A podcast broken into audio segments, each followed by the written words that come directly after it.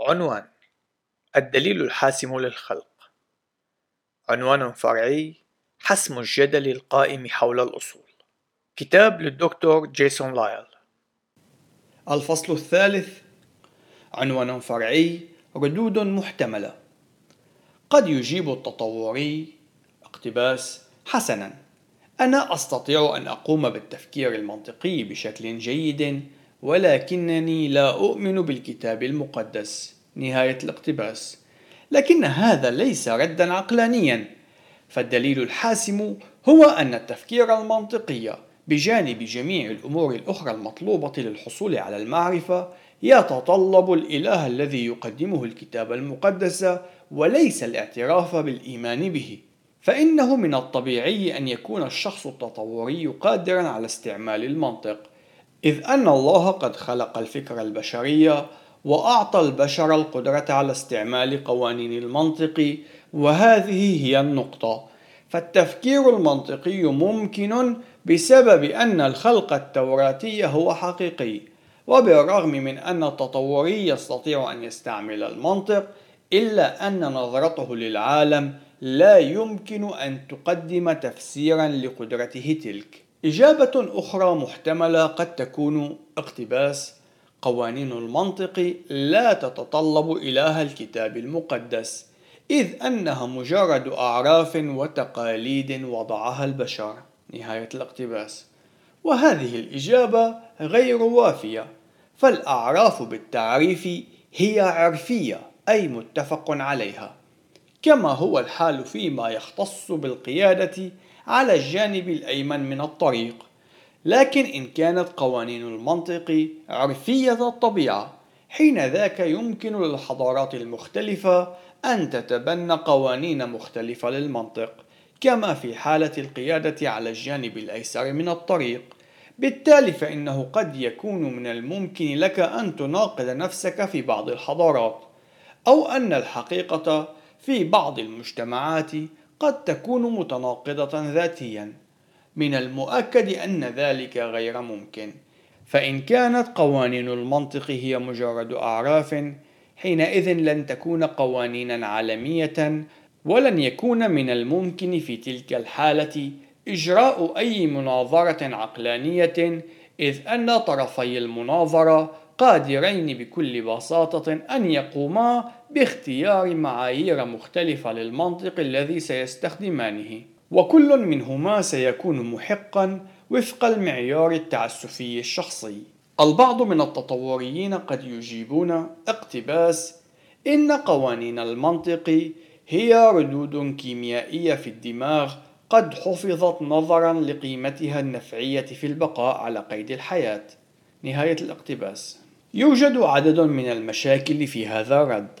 أولا القيمة النفعية للبقاء لا تتساوى مع الحقيقة فإن يدي اليسرى لها قيمة نفعية للبقاء على قيد الحياة لكننا لن نقول بأن يدي اليسرى صحيحة أو خاطئة فهي فقط موجودة. وبالتالي فليس لدينا أي سبب لنعتقد بأن قانون عدم التناقض أو أي قانون آخر للمنطق هو حقيقي إن كان مجرد تفاعلات أو ردود فعل كيميائية. ثانيا، إن كانت قوانين المنطق مجرد انعكاسات كيميائية فلن تكون حينئذ قوانين ولن تكون كونية فلن تتجاوز في تلك الحالة حدود دماغي وبكلمات أبسط لن نستطيع أن نجادل بأن التناقض لا يمكن أن يكون صحيحا على كوكب المريخ إذ أنه لا يوجد أي دماغ شخصي على المريخ. حقيقة الأمر إن كانت قوانين المنطق مجرد ردود فعل كيميائية في الدماغ فإنها ستختلف من شخص لآخر حيث أن كل شخص لديه ردود فعل مختلفة في دماغه. ربما قد يجادل أحد الأشخاص قائلا اقتباس. قوانين المنطق هي وصف لكيفية تصرف وعمل العالم المادي. نهاية الاقتباس. وهذا الرد يفشل أيضا ولعدد من الأسباب. أولا إن قوانين المنطق هي عبارة عن مفاهيم في طبيعتها فهي لا تقدم توصيفا لواحد من أبعاد الكون. إنما توصف السلسلة السليمة للمنطق من الفرض إلى الاستنتاج. ثانيا إن كانت قوانين المنطق هي توصيف للعالم المادي حينئذ يمكننا أن نتوقع أن تمتلك الجوانب المختلفة من الكون قوانين مختلفة للمنطق وذلك على اعتبار أن المناطق المختلفة من الكون توصف بطريقة مختلفة لكن قوانين المنطق تنطبق في كل مكان. ثالثا سوف لن يكون لدينا أي وسيلة لمعرفة أن قوانين المنطق تنطبق في المستقبل كما انطبقت في الماضي حيث أنه ليس من أحد قد اختبر الكون المستقبلي. فالظروف تتغير في الكون بشكل مستمر وإن كانت قوانين المنطق هي عبارة عن توصيف لظروف مماثلة فبالضرورة أنها ستتغير هي الأخرى. البعض قد يقول اقتباس إن قوانين المنطق هي وصف لكيفية تفكير الدماغ نهاية الاقتباس. لكن إن كان ذلك صحيحا فلماذا حينئذ سنحتاج لقوانين المنطق حتى نصحح طريقة تفكير الدماغ؟